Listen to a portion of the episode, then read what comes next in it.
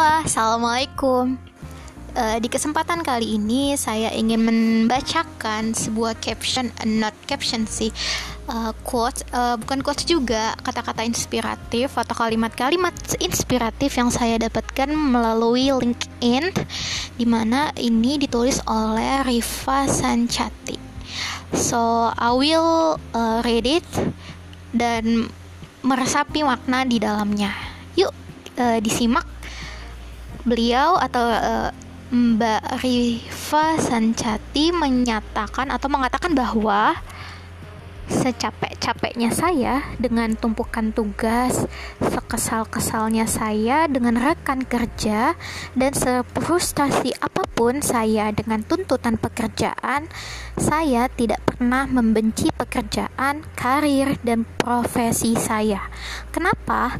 Karena semua pekerjaan itulah yang kemudian mewujudkan impian-impian saya yang lainnya berkat karir yang saya jalani, saya jadi bisa pergi melihat tempat-tempat yang luar biasa indah di berbagai penjuru dunia, termasuk Indonesia tentunya. Keluarga saya jadi mempunyai taraf hidup yang lebih baik.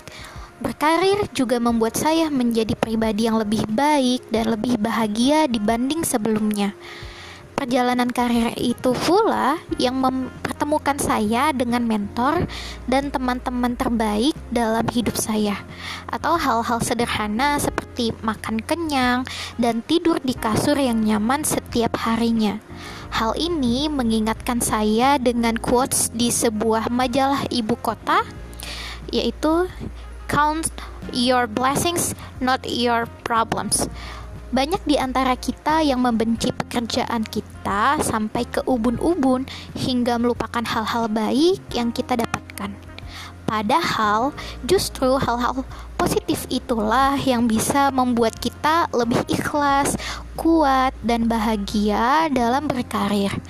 Boleh saja merasa sedih dan tertekan, tapi jangan kelamaan ya be happy with our job. It's our own choice anyway. So kesimpulannya dan melihat uh, komentar-komentarnya sangat banyak nih. Dan intinya adalah selalu melihat sisi positif dalam karir atau pekerjaan kita. Lalu banyak-banyak bersyukur. Dan ibrah lainnya adalah kerjanya tidak sekedar untuk bekerja, tapi yang paling uh, terbaik adalah bekerja untuk ibadah akan lebih berkah dan penuh rahmat. Selain itu mendapatkan pahala untuk uh, ber, mendapatkan pahala untuk bekal di akhirat kelak. Dan semoga kita semua husnul khotimah. So love your profession, it's mean love yourself. Bye. Thanks for listening dan good day.